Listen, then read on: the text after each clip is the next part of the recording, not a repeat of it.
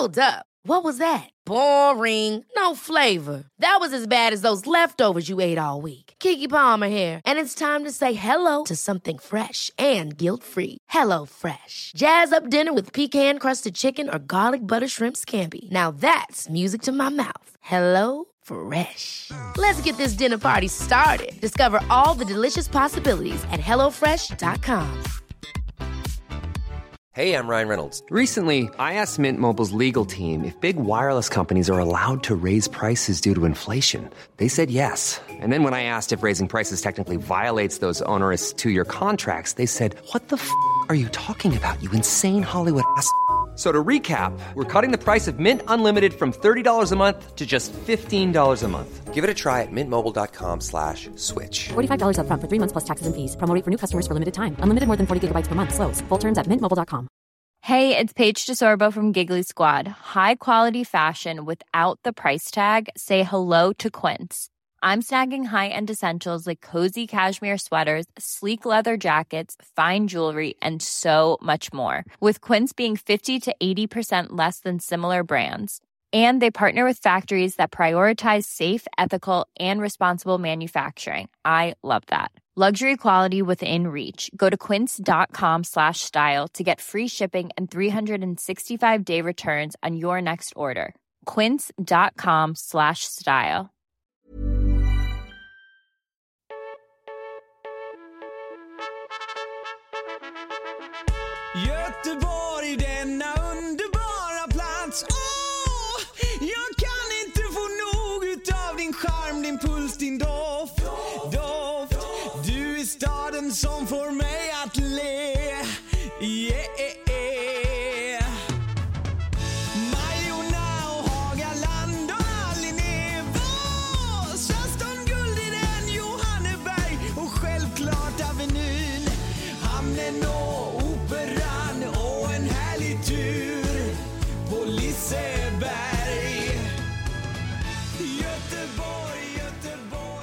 Tjenare, det var Glenn här. Välkomna till Gött Enna-podden. Nu är vi igång igen. Den här veckan har vi eh, en person som har nickat upp Frölunda i Allsvenskan, bland annat. Han har varit eh, expertkommentator på eh, Radiosporten. Han har spelat även i ÖIS. Och han är pappa till Niklas Bärkroth. Som faktiskt är den yngste spelaren någonsin i Allsvenskan, om inte jag är helt illa ute. Så att, eh, mina damer och herrar idag, ingen mindre än eh, Robban Bärkroth. Välkommen! Tackar, tackar, tackar. Trevligt. Ja. Kul att få vara här. Ja, du är jättevälkommen Robban. Tack. Eh, Det är så roligt för jag pratade med dig innan du kom hit här nu då. Ja, vi har hållit på i två veckor nu ungefär va? Ja, Cirkus. jajamän. Och din första fråga är till mig. Vad fan ska jag där och göra? Ni har ju haft Claes Malmberg, Oldsberg, Bert Karlsson. Men eh, vi gillar ju goa göteborgare helt enkelt. Mm, nej men det låter ju bra. Då, då, då platsar man ju det här programmet om det bara handlar om att vara god. Ja, exakt. Ja, det handlar ju lite mer också, men det är, det är jävla fördel om du är god. Ja, nej, det är skittrevligt. Eh, Goa gubbar sitta här och kötta med. Ja, men vi är lite förundrade där med manligheten faktiskt. Eh, Glenn och jag pratade förut att nu blir han jättenervös. vi, vi, vi pratade ju om att det finns en grej kvar på jordens planet som vi män försöker bevaka och behålla då. Det är ju sitt efternamn när man har gift sig. Ja men där kan jag faktiskt eh, komma in och säga att jag har ju gått halva vägen där. Jag heter ju fortfarande Bengtsson. Faktiskt. Ja. Bärkrut. Så att eh, där är, liksom känner jag det att det är jämlikt samhälle och jag fick eh, att hugga hennes namn helt enkelt. Det Okej. var inget snack där. Nej men eh, skämt åsido. Jag tycker det, det är ju ingen som heter det innan egentligen. Eh, eh, Det är hennes föräldrar, hennes pappa gick ju bort och han är ju Ja, sen så dör ju det ut an- annars det ja, Mm. efternamnet. Så därför så tänkte vi att ja, vi kör på det. Ja. Lite ovanligt också. Ja. Men du är en hen idag då? Ja, det kan man säga. Ja. Och det är jag stolt för. Ja, vad gött. Men eh, vi hade ju, du, du är ju bland annat här idag för att du är agent då i fotbollsvärlden. Eh, Men vi hade ju faktiskt en agent här eh, förra veckan som då var Patrik Kahnbäck då. Och jag vet ju om då Robban att ni två har ju legat i lumpen ihop. Stämmer det. Stämmer det. Fast det var på olika premismer tydligen. Ja, det kan man lugnt säga. Han var ju hockeyspelare och hockeyspelare på den tiden var ju väldigt eh, högt eh, aktade om man säger så. Så han, han var ju nästan aldrig där. Jag var ju där jämt och han var ju aldrig där kan man säga. Vad är där någonstans? Var var det någonstans? Eh, LV6 i och för LV6. sig. Så att Ja. eh, folk tycker inte att man ligger i lumpen på riktigt. Man gör det i samma stad. Men eh, det fick ju i alla fall jag göra. Eh, I och med att man var tvungen att åka hem och träna på kvällarna, eftermiddagarna då. Men eh, han var ju ledig väldigt, väldigt mycket. eh, Faktiskt. Kontra oss. Å andra sidan, eh, Frölunda på den tiden. eh, Ja, vi var nykomlingar i Allsvenskan men eh, ja. Men ni låg i Allsvenskan ändå alltså? Jag trodde det var Jajamän. i, ettan eftersom det kanske var lite... Nej då, det var det året för jag låg inne i lumpen 87-88 och då gick de ju upp. Första året i Allsvenskan var 80, 87. Okej. Frölunda. Ja. Så du låg i Allsvenskan, fick ingen ledighet, Kahnbäck bara glassade. Ja, kan man säga. Men det var han värd faktiskt. Ja. Men jag hörde ju att det här tog ju orken av dig, att du blev ganska morgontrött. Jag har hört då Robert. Att jag körde av vägen eller vad Exakt. tänker du på? Ja, eh, faktiskt eh, gjorde jag det. Eh, en gång när jag skulle upp tidigt, tidigt där så somnade jag till lite grann och körde av vägen faktiskt. Och då körde du en Renault 5 Ja. Det var inte mycket plåt på dem va? Nej, det var det inte. Och eh, det var jävligt eh, äckligt faktiskt. För eh, somnade till bara sådär. Någon mikrosömn kallar de det för. Och så, så bilen voltar ju inte men snurrar ju runt och ställer sig i fel riktning. Eh, om ni tänker när man ska åka eh, av mot Slaktarhusgatan där.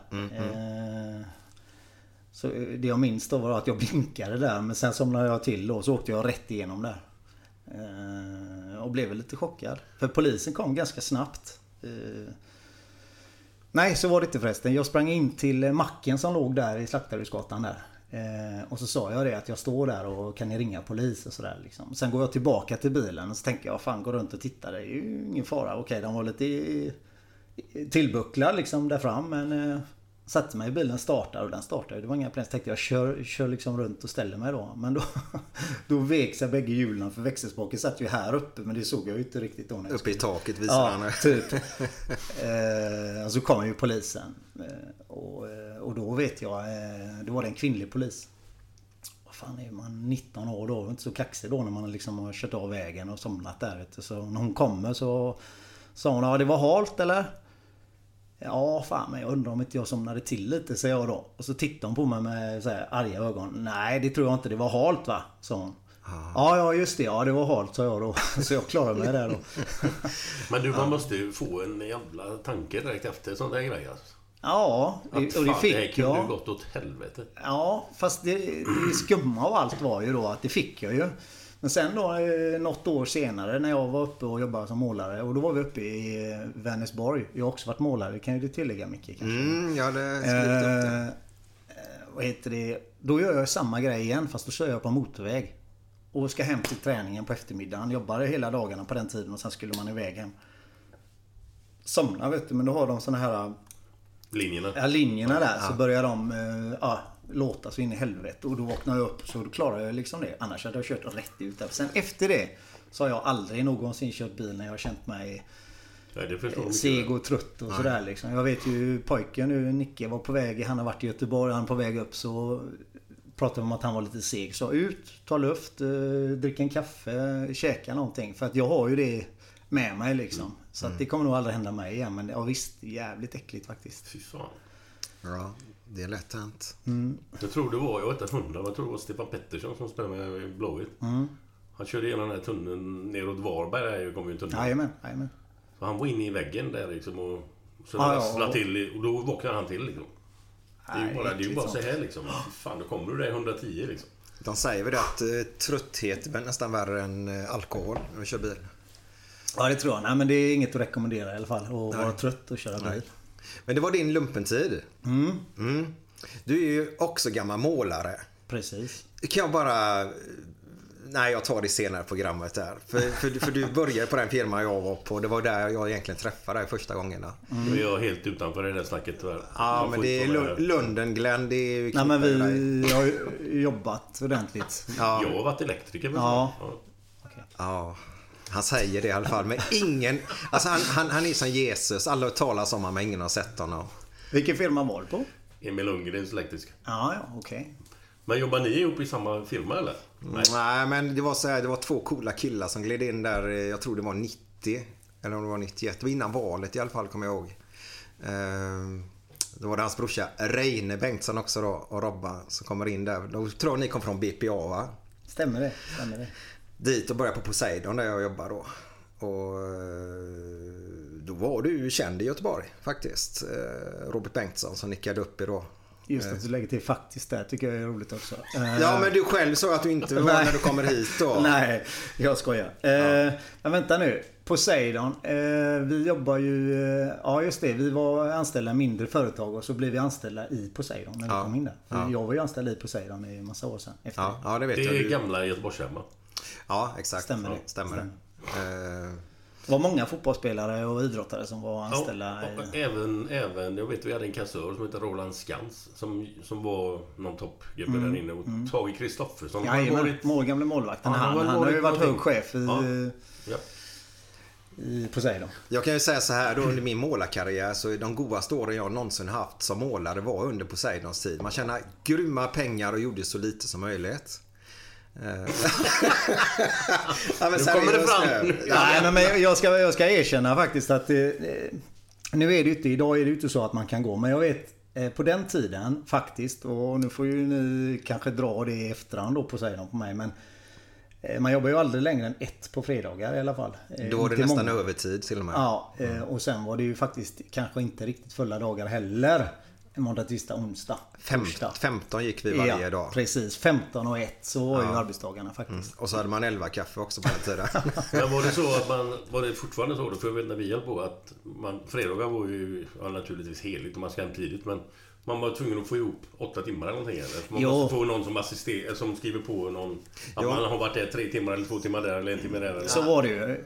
I alla fall. eh, Stämpelklocka hade vi ju. Kommer du Ja, ihåg det? Fast vi skrev, vi behövde ju aldrig det utan vi fick skriva med hand. Vi hade för hand då. Okej. Vi behövde inte stämpla göra inne. Vi kom ju in eh, ganska bra där på så Ni glassade då.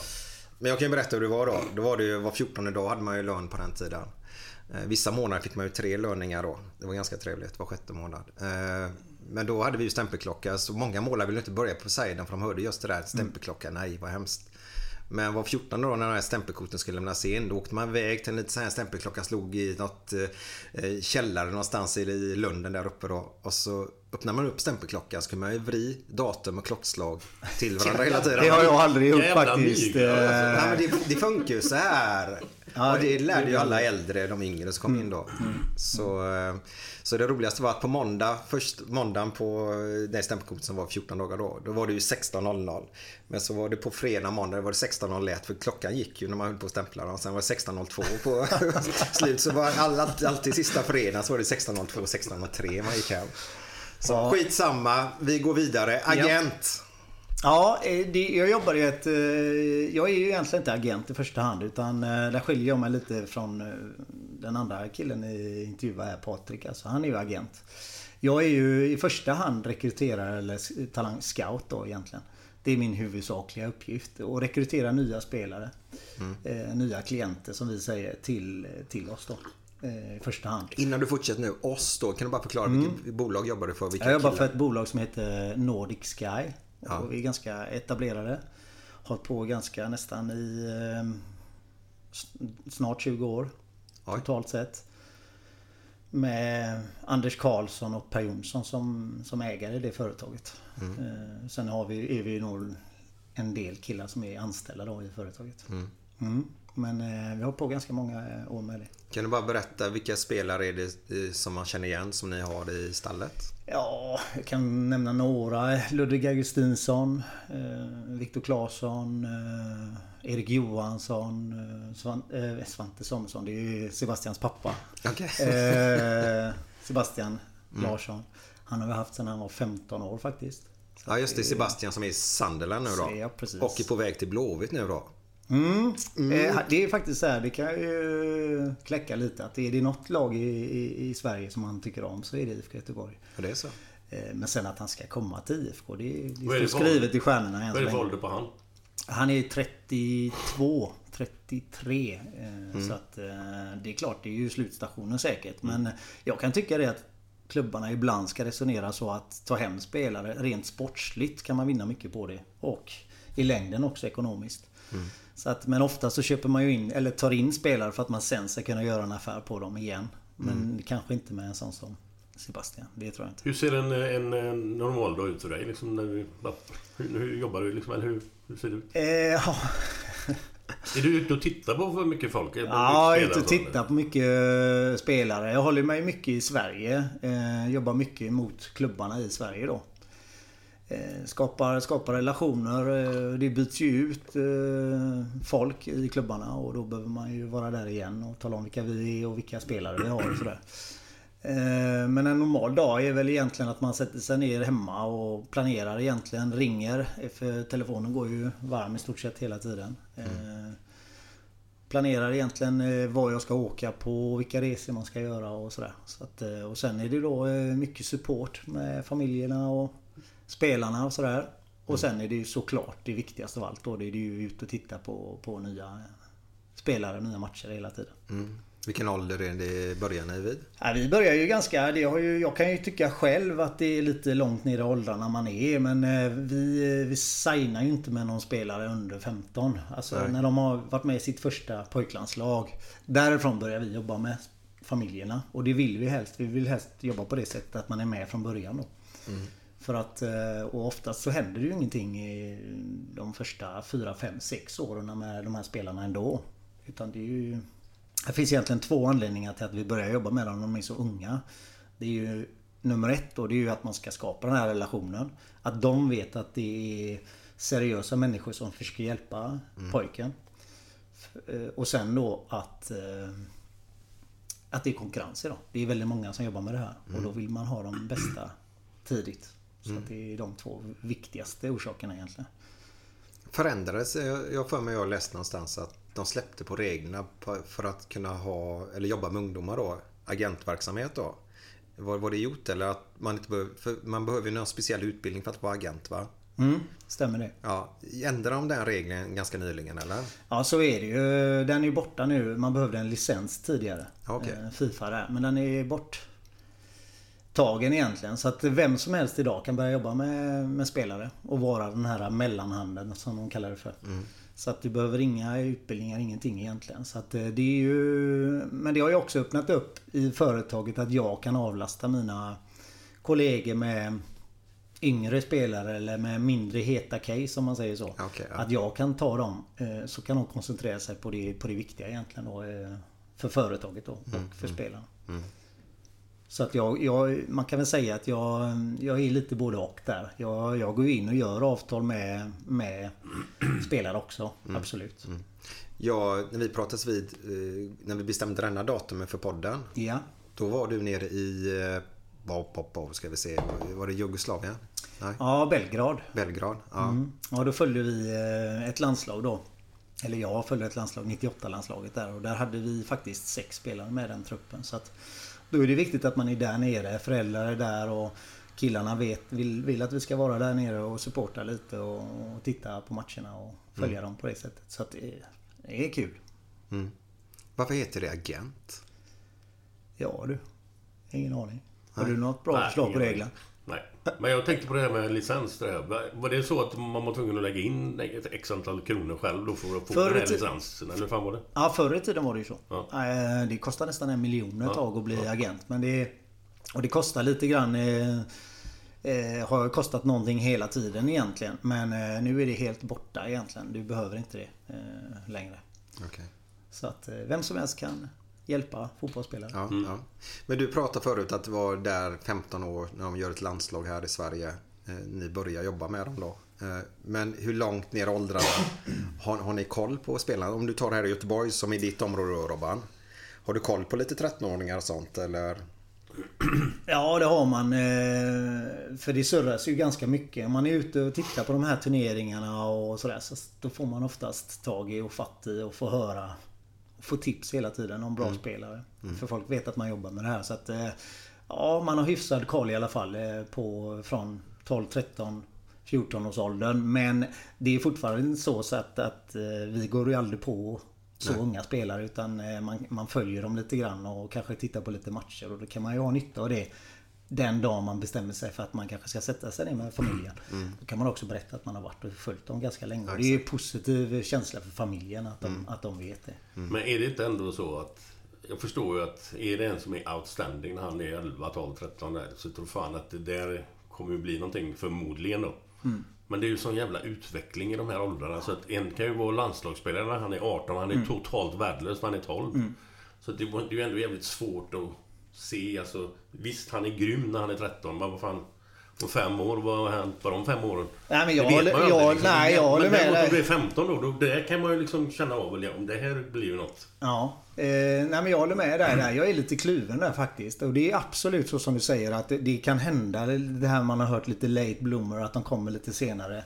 Absolut, finns ju jättemånga eh, exempel på det egentligen. Men jag inbillar mig ändå om man tittar. Eh, du kan själv tänka efter på det. Nu vet jag ju själv att du Glenn säger att du inte var du har alltid varit duktig, det är jag helt säker på. Men du har inte varit så här överdrivet bra. Du har tränat, alltså du har kommit lite senare.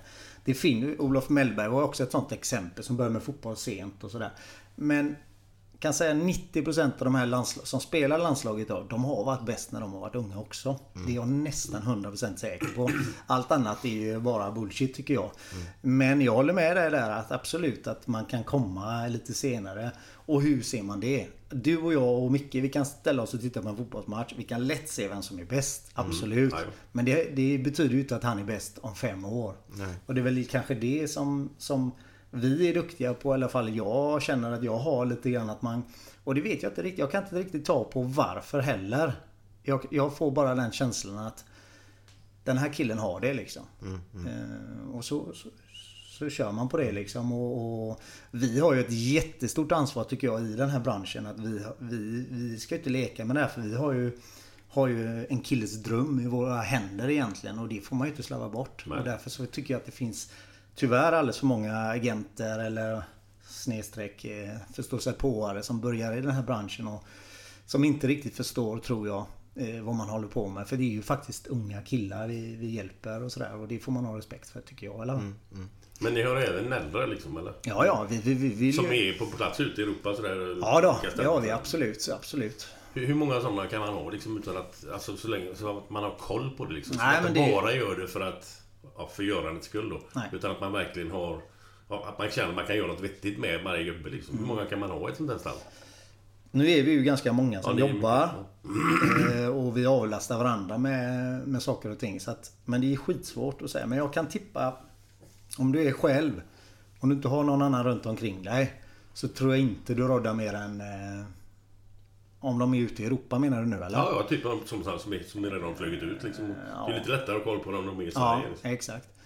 Eh, max 10 ute i Europa. Mer, mer än så tror jag inte att du klarar Nej, av det, att göra ett jag bra tänker jobb. också något sånt där. Ja. Alltså, för att det är många man har hört som jävla massa folk. Hur har de koll på alla de här? Nej, nej.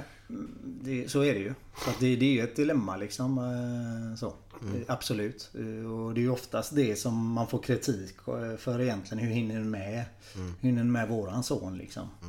Och så är det lite avundsjuka blir det ju mellan egentligen att de, ja men du har ju fixat det till han och varför fixar du inte det här till oss och sådär. Så att det, det, det är svårt är det.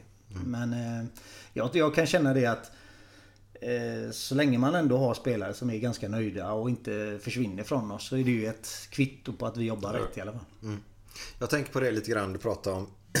Det här, typ en 14-åring. Om han blir bra om 4-5 år eller inte. Men när ni är ute och kollar på en spelare. Så, så ska vi ha reda på vilka kvaliteter ni kollar först på. Eh, För det tror jag säkert att ni har en rangskala där.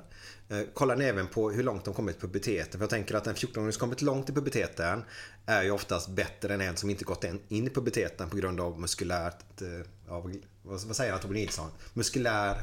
Frågat mig då några konstigheter. Ja, ja han, har, han, han, har, han har mycket muskler och då är du snabbare och du Absolut, kan tackla mer. absolut. Är det sådana grejer ni kollar på? Eh, absolut. Jag kollar ju på först och främst tycker jag man ska titta på mm, eh, Eller det gör nog alla. Eh, att om de har skills helt enkelt. Om de har någonting som sticker ut utöver det vanliga. Absolut, det gör man ju. Men sen tittar jag också mycket precis på det. Jag tycker ju spelare som, som inte är utvecklade så mycket är ännu mer intressanta egentligen. För att då tänker man så här, tänk då när när han har kommit in i puberteten och fått de här musklerna då blir han ju, om han då orkar och står ut då, då kommer han ju bli ännu bättre liksom. Så att för, för mig är de nästan ännu mer intressanta. Men visst, eh, det finns ju de som är bra tidigt på grund av att de är utvecklade tidigt. Eh, Och det, det får man ju lägga in i sin bedömning då. eh, Helt enkelt. Men det, det är väl i första hand egenskaper, titta vad det är för kille lite grann. Eh, och se helt enkelt om man har den här gnistan i ögonen då. Jag tittar mycket på ögonen, hur mycket han brinner för det liksom. Så att, eh, för mig är det viktigt sådana små detaljer liksom. När tränaren blåser av, eh, slänger han bara i västen eller tar han västen och lägger den? Alltså förstår ni? Att Ja, man får ja, karaktären på spelaren lite grann då. Ja. Tittar mycket på attityd och så absolut. Så att jag kan tänka mig att en sån som... Om jag hade tittat på Zlatan idag när han var, var ung så hade jag nog varit mm, nah, tveksam liksom. Just på grund av att han haft en dålig attityd. Men där är vi blivit lite bättre i Sverige. Att vi välkomnar olikheterna om man säger. Exakt. Utan alla ska inte vara samma. Eh, och det tror jag det är därför vi kommer nu få se ett landslag som är bättre eh, faktiskt. Än tidigare. Tror jag. Jag träffade dig på Öjsgården en gång. eh, var det en eh, mittback du pratade om. Och så var din fråga att hur, hur långa är hans föräldrar? Om, om, om, om, om jag visste detta.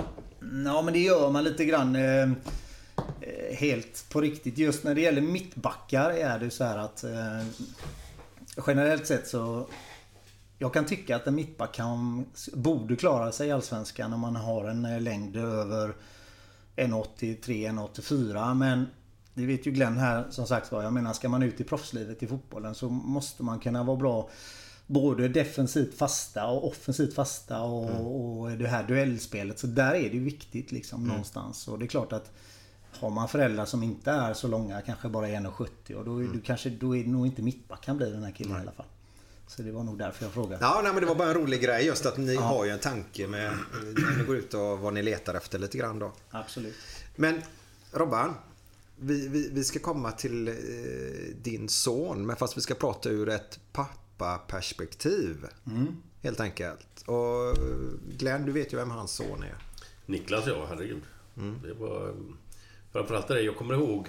Alltså jag, jag kan ha fel nu, men var det mot BP han debuterade? Stämmer bra det. Och då, då tänkte jag så här liksom att... vad Fan, de är ju rätt stabila rätt så... De, de går inte på finess, det- många av de där spelarna som var där då. Utan det var rätt stora gubbar. Då, jag, jag fick bara tanken att skicka de in den här stackaren nu bara för att han ska bli den yngste genom alla tider? Eller var han liksom färdig? Eller hur, hur funkar det? Nej, han var ju absolut inte färdig.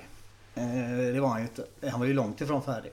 Han hade, ju, inte han hade inte ens eh, börjat. eh, Han hade ju knappt... Han hade ju aldrig spelat i, i U21 eller B-laget då. Som det hette. Så här var det. Han, han, han tillhörde ju U19 fastän han egentligen var två eller tre år yngre än dem i U19 också. Eh, när han kom till IFK. Han var ju en extrem talang. Och är fortfarande en väldigt, väldigt bra fotbollsspelare. Men när han då kom dit så var det så att detta var på hösten vill jag minnas. Eh, han fick den här chansen. Jag tror till och med att det var någon sån här riktig grisplan också. Så att det var ingen... Ja, det var på Nya Ullevi vet Ja, jag. För att jag har en liten rolig grej där. Jag satt ju och jobbade där Ryan Reynolds here from Mint Mobile. With the price of just about everything going up during inflation, we thought we'd bring our prices down. So to help us, we brought in a reverse auctioneer, which is apparently a thing. Mint Mobile unlimited premium wireless. Ready to get 30, 30, bit to get 30, bit to get 20, 20, 20, bit to get 20, 20, bit to get 15, 15, 15, 15 just 15 bucks a month. So, Give it a try at mintmobile.com slash switch. $45 upfront for three months plus taxes and fees. Promo rate for new customers for limited time. Unlimited more than 40 gigabytes per month. Slows. Full terms at mintmobile.com. I'm Sandra, and I'm just the professional your small business was looking for. But you didn't hire me because you didn't use LinkedIn jobs. LinkedIn has professionals you can't find anywhere else, including those who aren't actively looking for a new job but might be open to the perfect role, like me. In a given month, over 70% of LinkedIn users don't visit other leading job sites. So if you're not looking on LinkedIn, you'll miss out on great candidates like Sandra. Start hiring professionals like a professional. Post your free job on linkedin.com/achieve slash achieve today. Millions of people have lost weight with personalized plans from Noom, like Evan, who can't stand salads and still lost 50 pounds. Salads, generally, for most people, are the easy button, right? For me, that wasn't an option. I never really was a salad guy. That's just not who I am. But Noom worked for me. Get your personalized plan today at Noom.com. Real Noom user compensated to provide their story. In four weeks, the typical Noom user can expect to lose one to two pounds per week. Individual results may vary.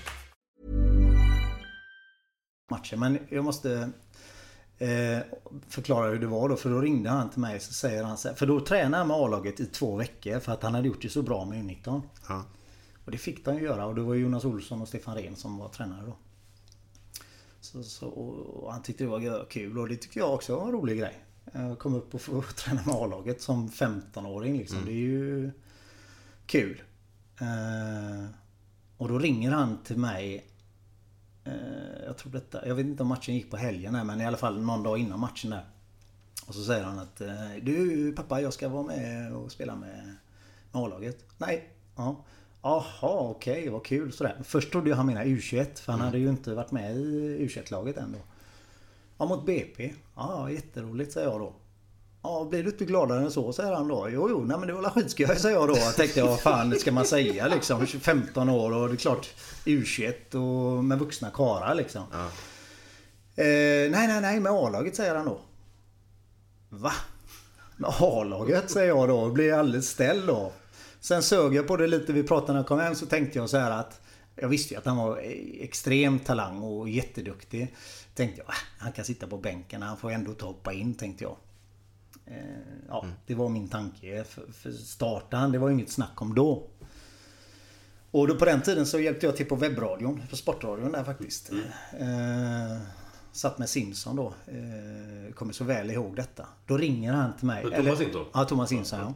Satt ihop med han där. Och då skulle vi förbereda oss för, för den här matchen då. Det var ju BP IFK Göteborg på Nya Ullevi då. Och då smsade han till mig att eh, jag ska starta matchen. Och då bara kände jag, vad fan gör jag nu? Liksom, jag kan inte springa ner där och, och ändra det liksom. Det går ju inte. Hur skulle det se ut? Så jag satt ju där, vad fan gör jag?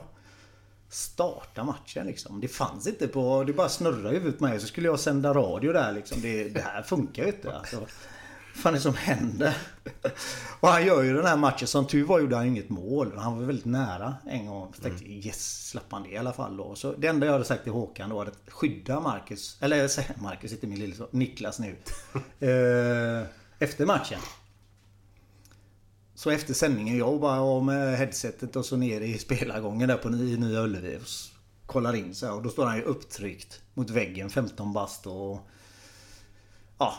Mm, ja, eh, med massa då, eh, Bexbo och alla de runt omkring han då upptryckt efter en vägg då. Så att nej, det, var- ja, det var ju en jävligt skum känsla och tråkigt egentligen eh, allt efterspel då kan jag tycka. Ja men det är ju, alltså, det är ju skitkul att det, att det händer. Vad fan, det är inte så jag menar. Utan det var bara att jag, jag kände bara liksom att...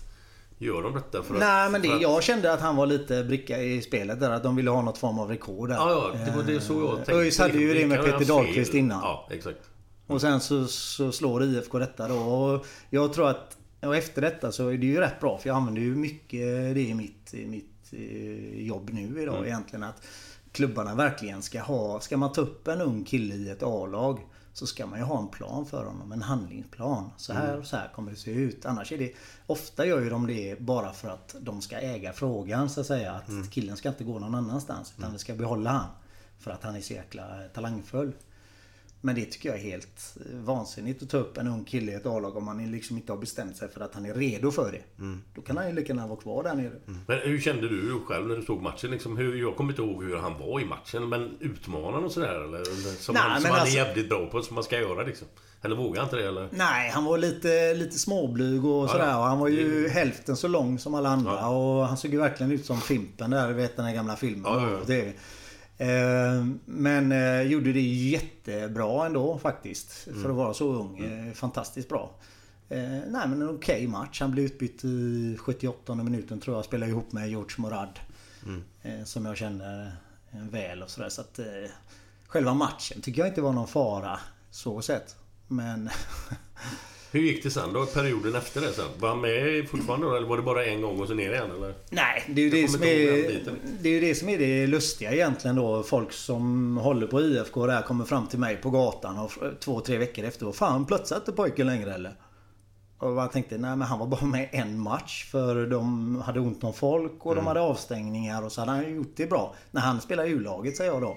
Jaha okej, är, han bara, är han bara med U-laget? Han är 15 bast liksom. Bara med Ja, ja, det är han. Han är bara med i U-laget. Och det är där ska han vara liksom ett tag till. Men sen blev ju han, eh, tror jag, ett och ett halvt år efter sin debut så blir ju han och Robin Söder uppflyttade då. De tog Okej. upp dem eh, ganska omgående efter det. Och sen tillhörde han ju IFK. Men han var ju inte färdig A-lagsspelare då heller. Så att, eh, mm, han har ju fått det lite tufft på grund av just det här då att Jag menar 15 år och eh, liksom, när han väl kommer upp i A-laget tar ju tid för alla spelare att etablera. Det vet ju, det vet ju hur att komma in i ett A-lag liksom. Och IFK på den tiden var ju jävligt bra också. Eh, det är klart, det tär ju på han liksom. Folk undrar ju varför får du inte vara med och spela och sådär liksom. Och han fick ju en press på sig som var sjuk. Eh, som han inte förtjänar egentligen då när man är så ung då. För han hade ju bara fått vara med en match och efter det så var det ju igång då. Så att det kan jag inte rekommendera. Nej. Att man ger en så ung kille chansen. Eh, om man då inte har en riktig och rejäl eh, plan för honom. Jag tycker det är väldigt intressant det du pratar om nu. Eh, Du, du sa upptryckt mot väggen, mer mot reportrar då va? Ja, ja, precis. Ja, ja. Eh, Och så... För det går ju väldigt mycket snack där ute nu. Om vi tar, håller oss till Blåvitt nu då. Där supportrar säger släpp upp juniorerna och alltihopa. Men jag har alltid hävdat det att du gör ju den junioren en björntjänst om inte han är redo för situationen då. Mm. Medan alla supportrar bara skriker släpp fram de nya då. Men det är ju inte schysst att göra det mot en som inte är färdig för det. Tycker jag. Nej. Fast jag tycker just i Niklas fall får man ju tänka på att han var så pass ung. Jag tycker har man gått igenom U17 och U19 så ska du vara färdig och komma upp ett A-lag. Ja, Sen inte kanske att du är helt färdig och ska vara helt ordinarie. Men du, du ska ha en så bra verksamhet så att när han lämnar U19 så ska det inte vara något snack att kunna ta upp en eh, och verkligen tro på sina egna och sin egen verksamhet och ta upp dem. Eh, Det tycker jag IFK och andra lag också är lite för dåliga på. Att man har ju en verksamhet som kostar extremt mycket pengar men man får upp alldeles för lite. Jag vet inte Hjälp mig där Glenn, men IFK Jan Ekström vet ju jag ju, är ju egen och kommer och Dyrestam var ju... Vet jag. Stack ju egentligen och William som spelar i eh, ÖIS var ju också en egen produkt som kom upp i A-truppen om man säger. Eh, Sen är det inte så många mer om man säger som är egna från, från, från början. Sen så visst, de tar in i sin akademi då de här Bjärsmyr och eh, Sebastian Eriksson och eh, Gustav Svensson och alla dem. Men det är ju egentligen inte där de har fått sin skola från början då. Men du snackade, naturligtvis gjorde ni det, men var det, var det mycket snack mellan dig och Niklas där när, han kom upp det här och... Det måste varit ett jävla tuggande hemma liksom. Hur gör vi nu? Hur, det var ju stort Ja det är det ju men där är det ju liksom så svårt för För Niklas är jag ju eh, När jag jobbar med det här så, så är det ju så att eh, När jag jobbar med andra eh, Ungdomar och barn och sådär Så är det ju lättare liksom att nå fram på det sättet. Men för Niklas är jag ju bara pappa liksom Ingen ja. annan. Eh, Sådär va. Så att, eh, och då Visst vi pratade mycket om vad han skulle göra och inte skulle göra och sådär men ja, Jag lät han vara eh, och fick, han fick köra sitt eget race kände jag.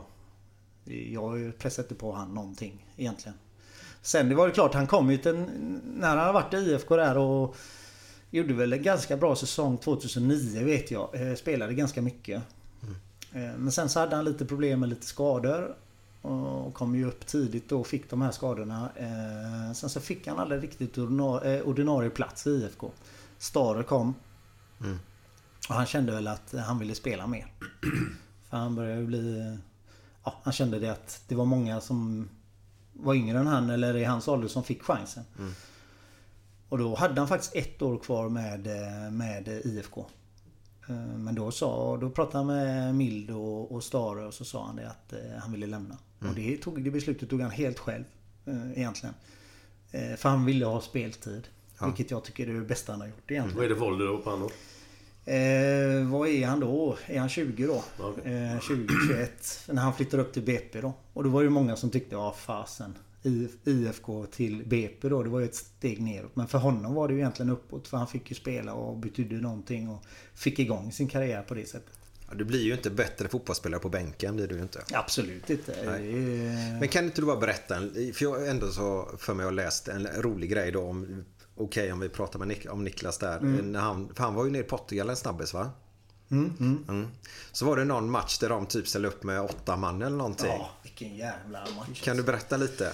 Ja, det, så här var det. Han blev, ut, han blev utlånad till eh, eh, Benfica faktiskt. Vi fick han, Benfica tog ner. Och Okej. sen så lånade de ut han direkt till ett mindre lag i högsta ligan i Portugal.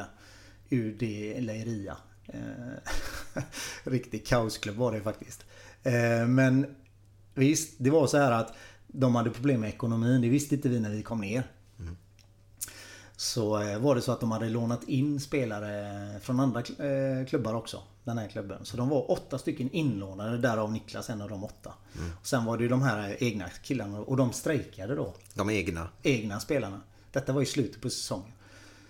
Och han ringer mig för de ska spela borta. Jag tror att det är mot... Eh, jag kommer fasen inte ihåg vilka det var de mötte men eh, detta är ju högst, alltså ligan i portugisiska ligan. Så säger han vi är åtta man men vi ska spela matchen. Så säger jag nej nej nej det, det går inte. För mig Glenn, alltså spontant. Alltså en ligamatch, det kan inte vara godkänt Man kan mot de andra att lagen. spela med åtta man. Nej, jo men det är visst ett, det är där man får åtta stycken, alltså en målvakt, sju utespelare. Kan man ställa upp med.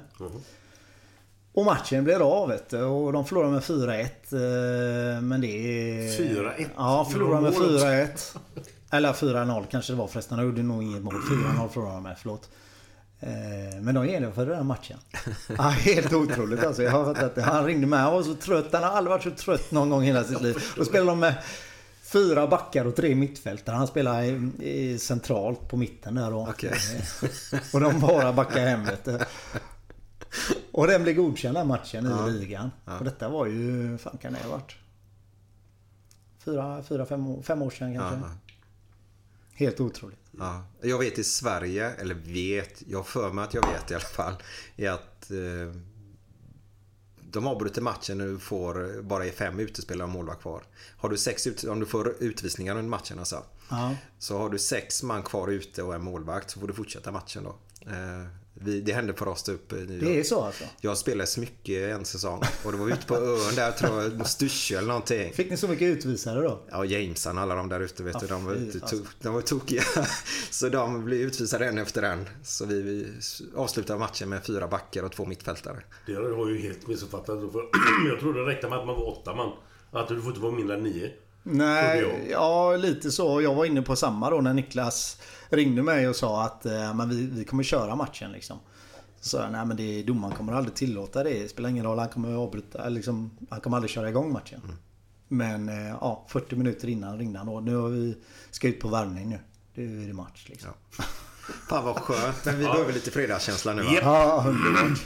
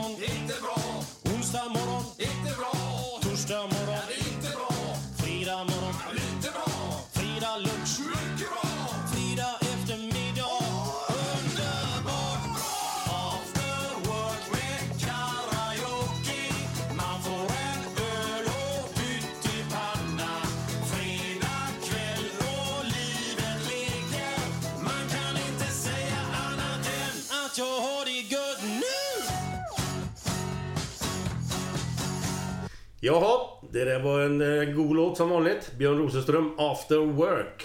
Den är för god alltså. Den är tycker jag. underbar. Den är underbar. Glenn. Ja. Återigen så har vi missat sätta nivån på den här podden.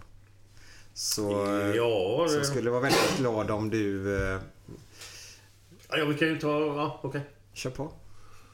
Uh, nu får du gärna applådera mig om den är bra. Mm. Det jag ska Absolut, dra en liten historia. här. Det har fortfarande aldrig Men, eh, hänt.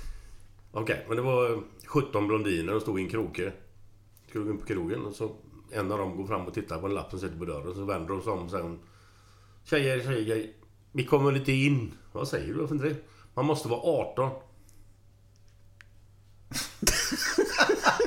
Det var faktiskt bra. Det tog lite tid innan jag tänkte vad fan, titta på mig så här. Det här var bra. Det här var grymt bra. Det här var faktiskt bra. Fan vad roligt att det, att det skrattas en gång. Jo men det här var bra. Det här var faktiskt jävligt bra. Ja, underbart. Eh, Men vi måste ju gå vidare. Till och med Micke skrattar. Ja, det är ja, fan Jag kan säga jag har väldigt roligt när vi spelar in de här poddarna med Glens både historier och sånt. För det viktigaste är att han får inte berätta för mig innan. Jag vill ju aldrig ha hört dem helst. Nej, nej, såklart. Det blev ju extra roligt första gången. Så är det. Eh, vi har ju en härlig kvalmatch. Du måste hjälpa oss här nu lite grann. Ja. Eh, vi är inne i 89. Eh, vi går på den här direkt så kommer vi hoppa mycket fram och tillbaka. Mm. Men vi känner att vi måste lägga nivån på, på den här kvalmatchen där. Eh, hade ni... Eh, det är Helsingborg hemma på Rudalen. Första matchen är det borta, Helsingborg. Ja, men just när det avgörs sen då. Mm. Det är ju hemma då. Men Hemma hur kom det sig att ni hamnade i kval mot Helsingborg då? Ja, jag du är ju svindålig på att komma ihåg du är tillbaka så här. Men jag vet att vi spelar någonting som heter Kvalsvenskan på den tiden. Ja, det var någon sån där mellanspel. Jajamän. Ja, mm. Eh, och vi... Eh, jag vet inte om vi kom sist i Kvalsvenskan eller någonting. Okej. Faktiskt. Var, kom ni nerifrån då eller kom ni uppifrån och hamnade i den? Kommer du ihåg det? 89, nu ska vi se. Var vi... Eh, var detta 89-90 eller? För vi hade åkt ur... 89 vet jag vi åkte ur Allsvenskan med Frölunda. Första året. Ja, ni åkte... Så detta okej. vart 90-91 eller kan det varit eller? Vet du vad? Det var säkert 90 då säger vi. Mm. Ja, det Jag tror det. Jag kommer inte ihåg. Det är inte så noga men det var någonting under några år de kallade det för kvalsvenskan. Och på det sättet så, eh, jag vet inte om vi kom i- i botten där på något sätt. Och då fick vi då möta Helsingborg som kom från ettan då. Okej, de kom nerifrån. Ja, de kom nerifrån. ja, okej. De hade inte varit uppe på 26, 25 år var det då. Mm. För de gick ju faktiskt upp året efter. Mm. Eh, Med Masse Magnusson och Mm. Henke Larsson på topp då. Men det, det var ju året innan vi vann över dem i kvalet då. Mm. För Mm. de har ju... Ja, just det ja. För 26 år sedan. Eh, ja, ja, det, då är Det vi stämmer 90, va? Ja, ja. Mm. Ja just det. Ja just det. För det var 90 är samma det då, år som de hade Ja, varit kvar och åkt ut. Ja. Ja 90 på hösten gick ju Ja. de upp då. Så Mm. 91 var ju deras första men det var Mm. ju... Ja. Eh, ja vi mötte ju dem eh, på Rudalen ja precis. Men då avgjorde Svar på din fråga. på någon nick eller någonting? Eh, Ja, ja visst. Nej, men man måste, ja, då måste man komma in på första matchen. För Ja. vi spelade ju första matchen borta på gamla Olympia. Förlorade med 4-2 första matchen. Och eh, bara det är ju liksom tungt. Men vi har ändå gjort liksom två bortamål där. Mm. Så det, det var ju bra men det var ju ingen bra start. Så eh, har vi matchen på Rudalen då. Och då tar ju de ledningen med 1-0. Mm. Och då är det ju i stort sett kört. Ja, då måste vi göra tre mål Tre. på dem. Och det var en ganska jämn match. Det var ju absolut inte att vi låg på och pressade på något sätt. Men sen i andra halvlek då så ja, sätter vi ju allt på ett kort. Och det är ju Lennart Otterdal eh, som tränar oss då. Mm. Eh, då vet jag att han tog upp Peter Claesson, mittbacken på topp då. Det brukar man ju alltid. Det klassiska man tar upp en mittback liksom. Så har man ändå ingen plan liksom. Man- ska upp med han. Men i vilket fall som helst. Vi pumpar ju bollar och vi börjar trycka på mot dem i andra halvlek där. Eh, och Peter Claesson gör ju 1-1. Eh, jag vet inte vilken minut men mitt i andra halvlek. Sen gör Lilltidans, Yngve Johansson, Lilltidans lillebrorsa 2-1 på ett strumpskott som eh, rullar in i ena hörnet. Och då helt plötsligt är det ju match. Då Mm. räcker det liksom att vi gör ett till. Då är vi uppe i Allsvenskan. Och då blir det nervigt liksom. Och eh, jag vet att de hade en superfarlig chans om det var efter vi hade gjort 3-1 mål eller jag hade gjort 3-1 målet eller om det var precis innan. Men där Magnus Olsson då gör en kanonräddning. Målvakten i Frölunda på den tiden. Och vi får en hörna i 89 minuten tror jag det var. Och Robson, Mikael Robertsson ska slå den här hörnan och slå den på första stolpen och Yngve skarvar och då kom jag helt fri in i mitten bara och nickade den rätt in. Så det var ju bara... Ja, glädje. Ja. Eh, fantastiskt. Det är kul. Och... eh, Ja, ja, det är stort för det var ju liksom ingen som ville att Frölunda skulle vinna den matchen. Nej. Alla ville ju ha upp Helsingborg igen efter så många år men Tyvärr fick de ju vänta på den chansen. Men hade Frölunda varit uppe i Allsvenskan någonting? Ja, de hade, varit, de hade varit uppe i Allsvenskan innan. Okej. Eh, för de gick ju upp... Eh, de vann ju 86 vann ju de division 1 södra. Med de här gamla eh, eh, Eddie Örnholt och Benno Lindblom och de här grabbarna. De gick upp i Allsvenskan då. Raimo Kekele Ja, ja. och Jocke Norfors och de här killarna. Eh, så att vi... Det var faktiskt inte första gången vi gick upp i Allsvenskan. Det var andra gången. Men eh, de gubbarna som du spelade med då, som tog er upp i Allsvenskan. Nämn några namn där. Man känner ju allihop. Eh, nej men som jag sa, det är Mikael Robertsson. Eh, Eskilstuna. Jan Ahlbom, Magnus Kjellander. Ja, Kjellander. Kjellander var ju den jag tänkte på. för fan. Ja. Han gick ju till Blåvitt. Ja, han hette ju Magnus Johansson på den tiden han var ju där. Han gick ju till ÖIS då. Eh, Just i den årgången så var det väl kanske inte så himla många som är... Lucci tror jag var Nej, de kom ju senare. Och alla de här Thomas Rosenqvist och Sanklev och Gustav Andersson och alla de här kom ju senare till Frölunda då. När vi hade etablerat oss lite. Men eh, Teddy och Dimi Jankelovski och ja, vi har ju många spelare som helst som kommer från Frölunda då. Men Bara- de är ju lite yngre än mig. Ja, eh, det måste varit en otroligt skön känsla att nicka in det där målet och sen stå där och eh, ta emot. För det var mycket folk där uppe. Ja, det var i stort sett fullsatt. Ja. Eh, Men det var ju mycket HIF, eh, Engen. Men det spelar ingen roll. Vi älskar ju att spela på Rudalen. Och alla lag som kom dit hatar ju att spela på Rudalen. Så man fick ju gå över en eller bandyplan, eh, höjdens bandyplan där liksom. Ja. Det var ju, kändes ju jävligt oproffsigt liksom för de lagen som kom dit. Men Ja. det, det tog ju vi eh, liksom nytta av egentligen då. Vi var ju grymt bra på Rudalen. Faktiskt spelade jäkligt bra fotboll där. Under flera, flera år. Vi låg ju nästan 10 år i Allsvenskan sammanlagt. eh, Med Frölunda då. Lilla, lilla Frölunda då. Så att det är en fantastisk tid. Måste jag säga. Men Robban, jag har hört en sak. Mm, Får du bara se om det här är sant eller inte. Men du blir intervjuad efter matchen. Mm. Och under intervjun som du står där så springer fram en, eh, HIF, en Helsingborgssupporter och sparkar på dig. Ja, jag tror det. Han, eh, de, det var ju lite kaos där eh, på plan efter matchen. För att Rudalen hade ju inga direkt höga staket på, på den tiden. Så att Nej. folk välde ju in och det var ju tyvärr lite HIF-are som välde in på den plan också då. Så att de var inte så himla glada. Så att visst, när jag stod upp... Ja, det stämmer det. Jag fick en spark. Eh, faktiskt. Men det var ingenting som jag brydde mig om då liksom. Jag kände knappt att han gjorde det. Men eh, ja. Jag blev inte rädd eller någonting sånt. Nej, nej. Utan, Ja, jag bara- vet, eh, jag hade en kille som hette Janne Ahlbom Mm. eh, på den tiden. Och han... Den lille killen. Jajamän.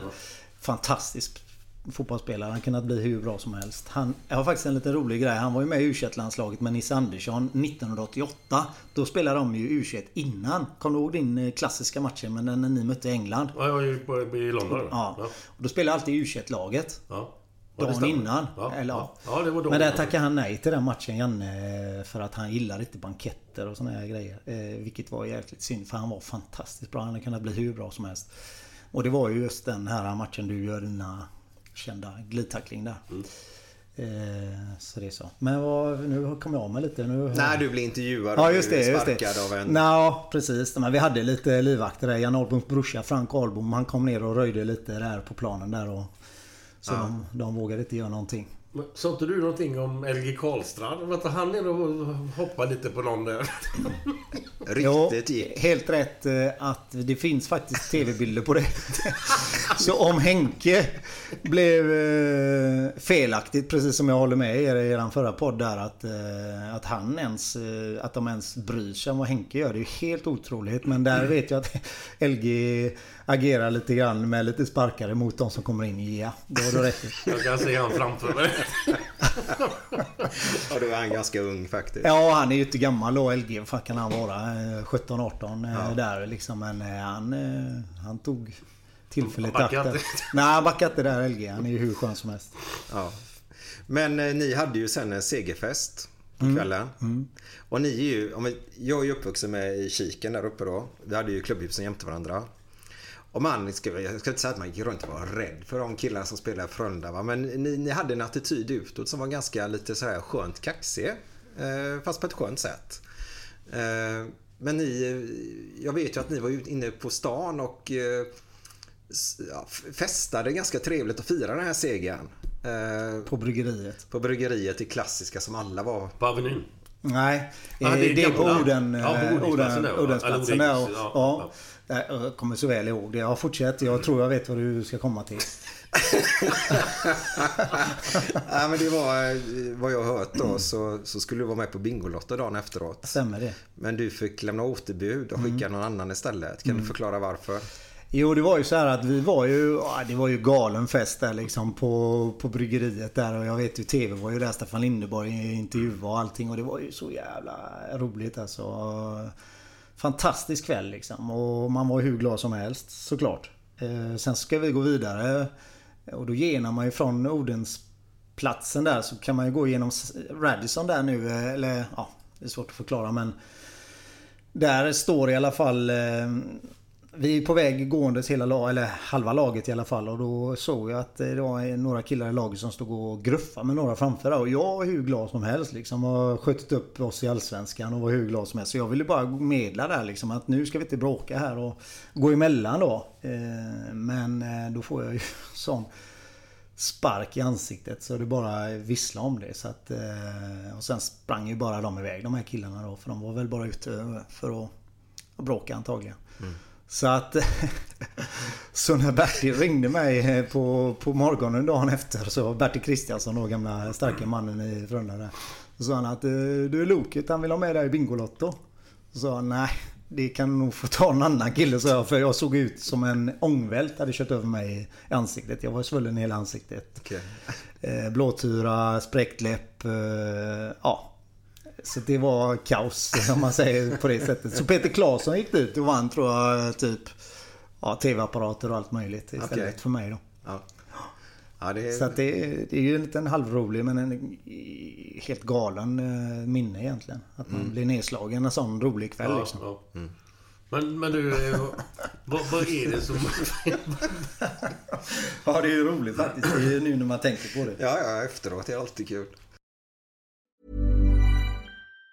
Even on a budget, quality is non-negotiable. That's why Quince is the place to score high-end essentials at 50 to 80% less than similar brands. Get your hands on buttery soft cashmere sweaters from just 60 bucks, Italian leather jackets, and so much more. And the best part about Quince, they exclusively partner with factories committed to safe, ethical, and responsible manufacturing. Elevate your style without the elevated price tag with Quince. Go to quince.com slash upgrade for free shipping and 365-day returns. Ever catch yourself eating the same flavorless dinner three days in a row? Dreaming of something better? Well, HelloFresh is your guilt-free dream come true, baby. It's me, Kiki Palmer. Let's wake up those taste buds with hot, juicy pecan-crusted chicken or garlic butter shrimp scampi. Mm. Hello Fresh. Stop dreaming of all the delicious possibilities and dig in at HelloFresh.com. Let's get this dinner party started. Hey, it's Paige DeSorbo from Giggly Squad. High quality fashion without the price tag. Say hello to Quince. I'm snagging high-end essentials like cozy cashmere sweaters, sleek leather jackets, fine jewelry, and so much more. With Quince being 50 to 80% less than similar brands. And they partner with factories that prioritize safe, ethical, and responsible manufacturing. I love that. Luxury quality within reach. Go to quince.com slash style to get free shipping and 365 day returns on your next order. Quince.com slash style.